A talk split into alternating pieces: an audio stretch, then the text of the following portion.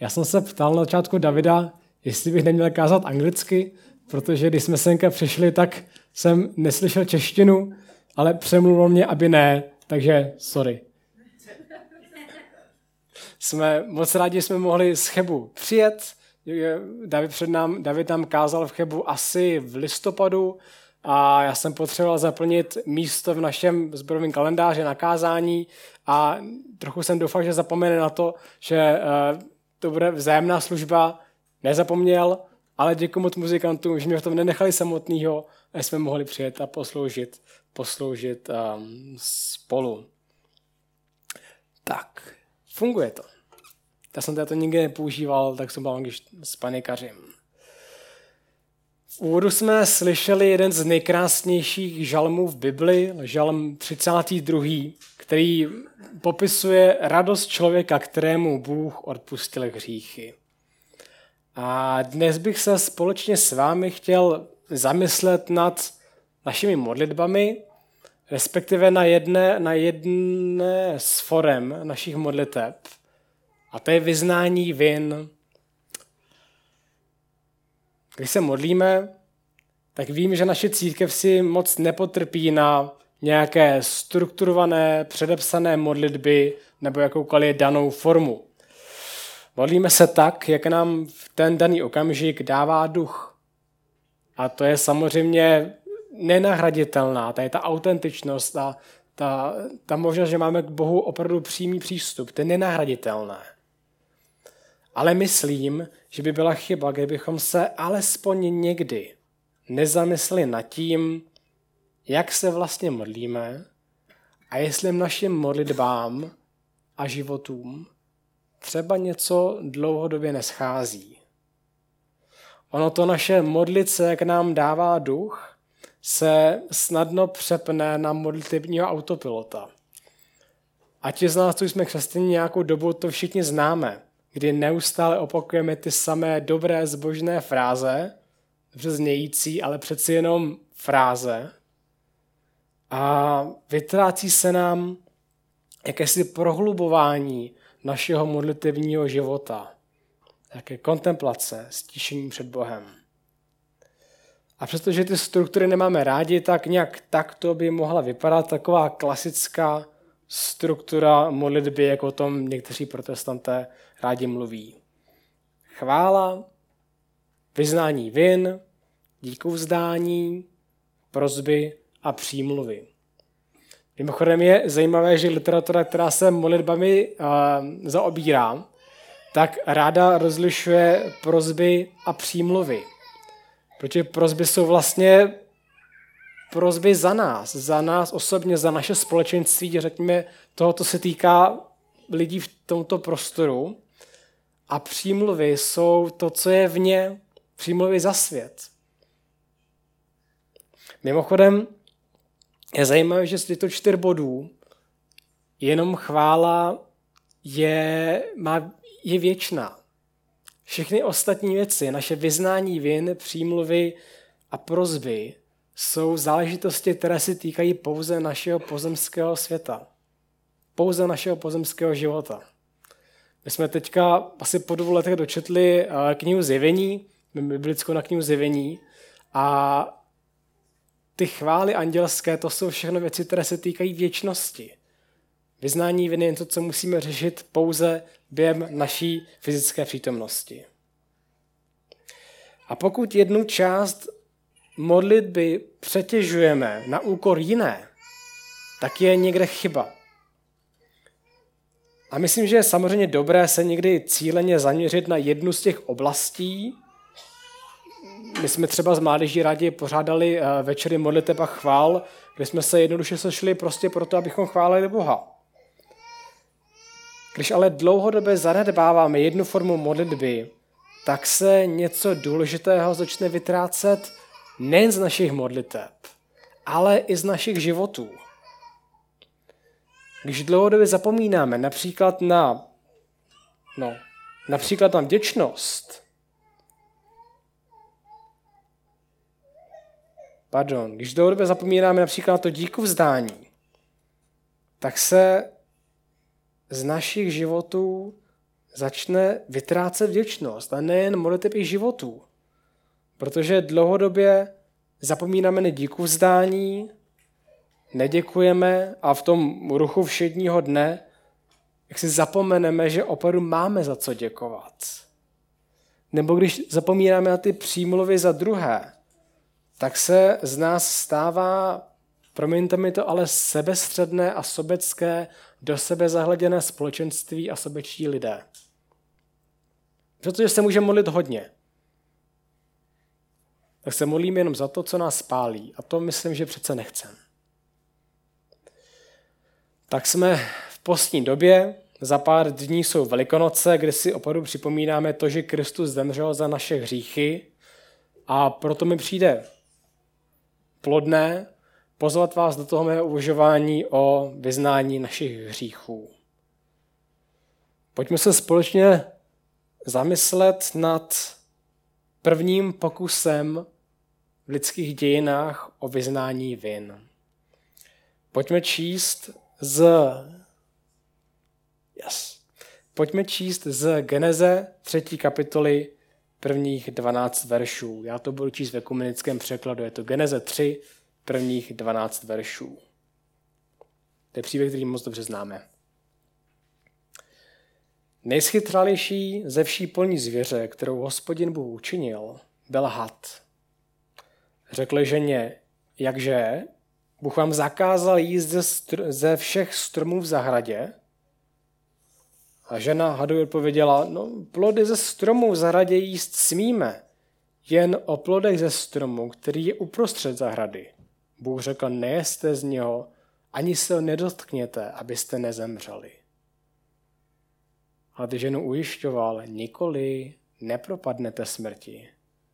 Bůh však ví, že v den, kdy z něj pojíte, otevřou se vám oči a budete jako Bůh znát dobré i zlé.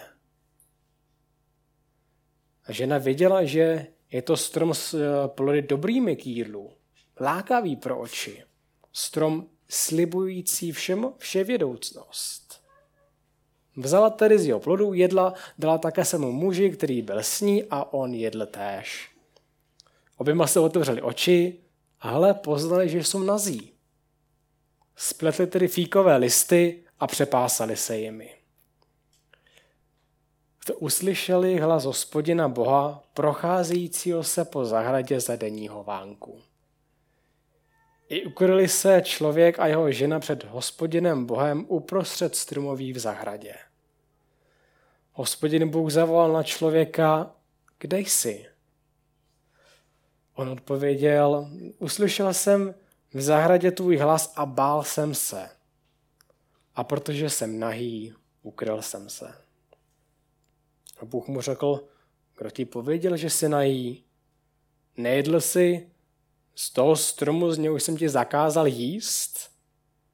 Člověk odpověděl, žena, kterou jsi mi dal, aby při mě stála, ta mi dala z toho stromu a já jsem jedl. To je čtení z písma, paní 12 veršů z knihy Genezy. Přátelé, je to příběh, který všichni dobře známe. Bůh stvořil člověka jako Adama a Evu a Adam s Evou jsou v nahotě a žijí v ráji. A potom do jejich života vstoupí nový cizí prvek, had, lump jeden, který z boží pravdy udělá lež a opačně. Bůh řekne, z žádného stromu, pardon, Bůh řekne, z každého stromu zrady smíš jíst a had, za, a had začne obráceně, jakže Bůh vám zakázal jíst ze všech stromů. Co se stane ve chvíli, kdy naši první manželé sní ten zakázaný plot? Najednou si uvědomí, že jsou nazí a začnou se zakrývat fíkovými listy. První reakce na hřích, na přestoupení božího příkazu je to, že se člověk najednou začne stydět a Adam s Evou mají potřebu zakrývat si fíkovými listy. Tak se pojďme na chvíli zamyslet na tou nahotou nahotu nemusíme hned chápat v nějakém erotickém slova smyslu, ale zkusme si ji vstáhnout na náš život a mluvit o nahotě spíše jako důvěře, otevřenosti a upřímnosti jednoho ke druhému. Tou biblickou nahotou se zde myslí spíše vztah, vztah, ve kterém tomu druhému bezpodmínečně důvěřuji a věřím, že nemám potřebu před ním cokoliv zakrývat. A v tento moment přichází hřích, to známe dobře ze svého života, a naruší tento krásný vztah důvěry. A najednou mám potřebu něco ze svého života zakrýt.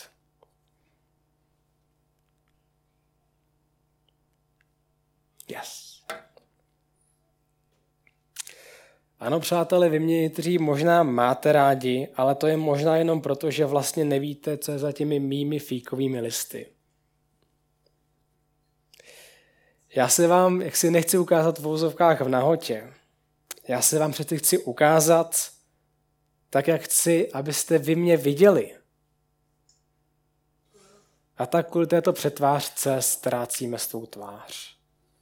Svou skutečnou osobnost zakrýváme fíkovými listy, které jsme si sami vybrali, sami jsme si je vyrobili, aby vy jste neviděli mou duši a můj život zcela odhalený. Bojíme se, stydíme se. Já si vlastně nejsem jistý sám sebou a nejsem si jistý velikostí vaší lásky. Adam s Evou před hříchem jsou schopni žít ve vztahu v nahotě a hřích dělá to, že zraňuje jejich důvěru v sebe samé, ale hlavně v ty druhé. Ano, samozřejmě, Adam miluje Evu a je také milován Evou. Ale co kdyby Eva věděla, co jsem dělal včera večer? Co kdyby poznala i toto mé tajemství? Hrajeme na sebe různé role, lepíme na sebe fíkové listy a utíkáme. Vzdalujeme se jeden od druhého, protože si přestáváme věřit.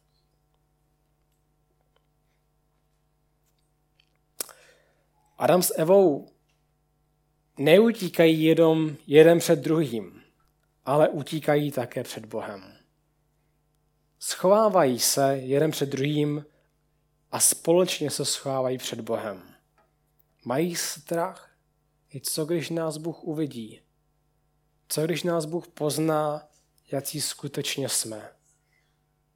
A tak radši trapně zalezou do nějakého stromoví. Hřích naleptává naše vztahy. Vztah k sobě, vztah k druhým a také vztah k hospodinu. Rodí se nám to něco ďábelského a to je strach. Já myslím, že člověk je vlastně zvláštní tvor lapen do dvou různých světů. Myslím, že na jedné straně nesmírně toužíme potom, abychom se mohli druhým ukázat takový, jaký skutečně jsme. A vlastně ten Adam touží potom říci Evi opravdu všechno. A kvalitní vztahy takové přece jsou, nemluvím o manželství, ale opravdové hluboké přátelství, kde si věříme a můžeme si ukázat a říct absolutní pravdu. Ale na druhou stranu nemáme odvahu si ty své trapné masky schovat a strhnout. A navíc někde kolem sebe nevidíme moc dobré příklady. Ono se to moc nenosí, nenosit masku. Ztrácíme tvář, často sami před sebou a naše vztahy hynou. Umíráme strachem, že někde někdo někdy přijde a ty naše fíkové listy nám strhne, ale zároveň vlastně netoužíme po ničem jiném víc. Když se zamýšlím nad údělem hada, tak mi přijde, že had pronesl první fake news v dějinách světa – Na začátku příběhu máme Adama a Evu, kteří přestože jsou zcela jiní, nějak dokáží žít spolu v nějaké jednotě a důvěře. A přijde někdo zvenku, někdo cizí a přinese první klamavou zprávu. Hospodin řekl, ze všech stromů můžete jíst a to úplně obrátí, cože? Bůh vám zakázal jíst ze všech stromů. To falešná a záměrně nepřesná zpráva rozdělí ten jejich svazek důvěry a Adam s Evou si přestávají rozumět a začínají si nevěřit. Jak vyřešit toto první rozdělení té prvotní společnosti? Čteme, že sami od sebe nebyli schopni svůj konflikt nějak vyřešit. Často se v médiích nebo ve společnosti říká, že by si ty rozhádané strany měly sednout k jednomu kulatému stolu a začít se spolu bavit a vyříkat si to. Ale v našem příběhu vidíme, že k tomuto vyříkání si věcí prostě neměli sílu nebo odvahu. Zdá se, že potřebují někoho třetího, aby jim přinesli usmíření. Adam a Eva v sobě nenašli prostor pro usmíření. Potřebovali někoho třetího. Potřebují Boha, který je k sobě zavolá a tak přiblíží také jednoho druhému. Tak nahlas přemýšlím a vznáším otázku, jestli by ta naše rozdělená a různě fragmentovaná společnost nemohla dojít alespoň malého částečného usmíření, kdybychom si začali navzájem vyznávat jeden před druhým svou vinu a trochu odhodili ty své masky a ty své přetvářky. Jestli by, na té společnosti, jestli by v té společnosti nebylo aspoň trochu líp. A jak ten náš příběh Adama a Evy pokračuje dál? Ne, není to člověk, který by se řekli, no nazdar, to jsme to vyměukli. V té zahradě nám přece bylo mnohem, mnohem líp, než přišel ten pitomej had. Pokazili jsme to a musíme hledat Boha. Musíme jít za Bohem a hledat u něho odpuštění. Ne. Tak se to bohužel nestalo. Je to naopak Bůh, který přichází a jde sám hledat Adama. A co dělá, když ho najde? Jak se trapně schovává křoví, to je krásná scénka, jak se představuje, jak se, jak se tam schovávají křoví. Nezačte mu vyčítat člověkovi, ale, ale položí, se, položí prostou otázku. Kde jsi? Myslím, že to je otázka, kterou začíná naše vyznání vin a otázka, kterou vůbec začíná ten proces smíření. Adam s Evou, kteří zhřešili, jsou ve stavu, kde nejsou schopni udělat ani ten první krok Bohu a krčí se někde ve křoví. A je to Bůh sám, který jde k člověku, najde ho a začne se ho ptát, jak na tom je. Adame, kde jsi? Řekni mi, v čem se topíš. Jak se máš? A co pro tebe můžu udělat? Vyznání vin skutečně není to, že se tedy už konečně dokopu k tomu, abych si klekl a šel se modlit a prosil Boha o odpuštění. Ne, naše vyznání hříchu začíná tím, že si uvědomím, že mě Bůh volá i v tom stavu, kde jsem. Možná najednou uslyším Boží zavolání, nebo nějak pochopím, že se na mě Pán Bůh dívá. Zažijeme Boží pohled a Boží lásku a uslyšíme, vždyť jsem tě člověk přece stvořil. A kde, kde jsi? Kde se přede mnou skrýváš? V čem se topíš? Adam po hříchu přestává komunikovat s Bohem, člověk se vzdaluje od Boha, než by se na něj Bůh přece měl podívat. Ale tak velkou moc náš hřích přece nemá. Nedokáže nás oddělit ani od boží lásky. Je to Bůh sám, kdo hledá člověka a ten dialog obnovuje. Kde jsi, člověče? Pojď mi vyprávět o svém životě.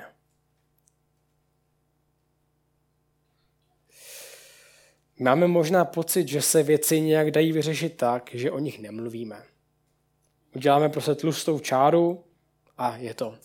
Ale pod tou tlustou čárou to začne hnít. Není možné proměnění a hřích ignorovat. Není možné udělat tlustou čáru. Ani mezi lidmi přece není možné předstírat, že se nic nestalo. Ono to pod tou tlustou čárou začne hnít, smrdět a mokvat a vybavne to na nás někde jinde. Ať se nám to nelíbí, musíme do toho jít, dotknout se toho a otevřít se. Tak, to první, první vyznání hříchů. Vidíme, že se do toho Adamovi moc nechce. A jak je typické pro nás všechny lidi, začne vyprávět ne o té své vině, ale o vině Evy. To, to ta Eva přece, co, ta, ta mi dala ovoce. Jo, to známe bohužel i ze svého vlastního života, že se až tak moc neznáme k našim vlastním hříchům a tak radši ukazujeme na hříchy těch druhých. Máme tendenci omlouvat své vlastní hříchy. No, ano, já jsem to tak trochu vlastně možná pokazil, ale ta Eva hospodin, to bys nevěřil, co udělala. Ona mě k tomu vyloženě svedla. Je to vlastně trapný začátek lidských dějin, trapný začátek toho prvního pokusu o vyznání hříchů. Nejen to člověk, kdo začíná, ale je to Bůh, kdo otevírá naše vyznání. A to je, myslím, dobré si zapamatovat. Je to Bůh, kdo otevírá naše vyznání a ptá se nás, kde jsme, jak jsme na tom. A až se budeme modlit, tak zkusme si jakoby položit otázku, jako by se nás opravdu ptal Bůh, kde jsi člověče. Vrcholí postní doba a tak si myslím, že je fajn, abychom se naučili odpovídat na toto boží zavolání. Amen.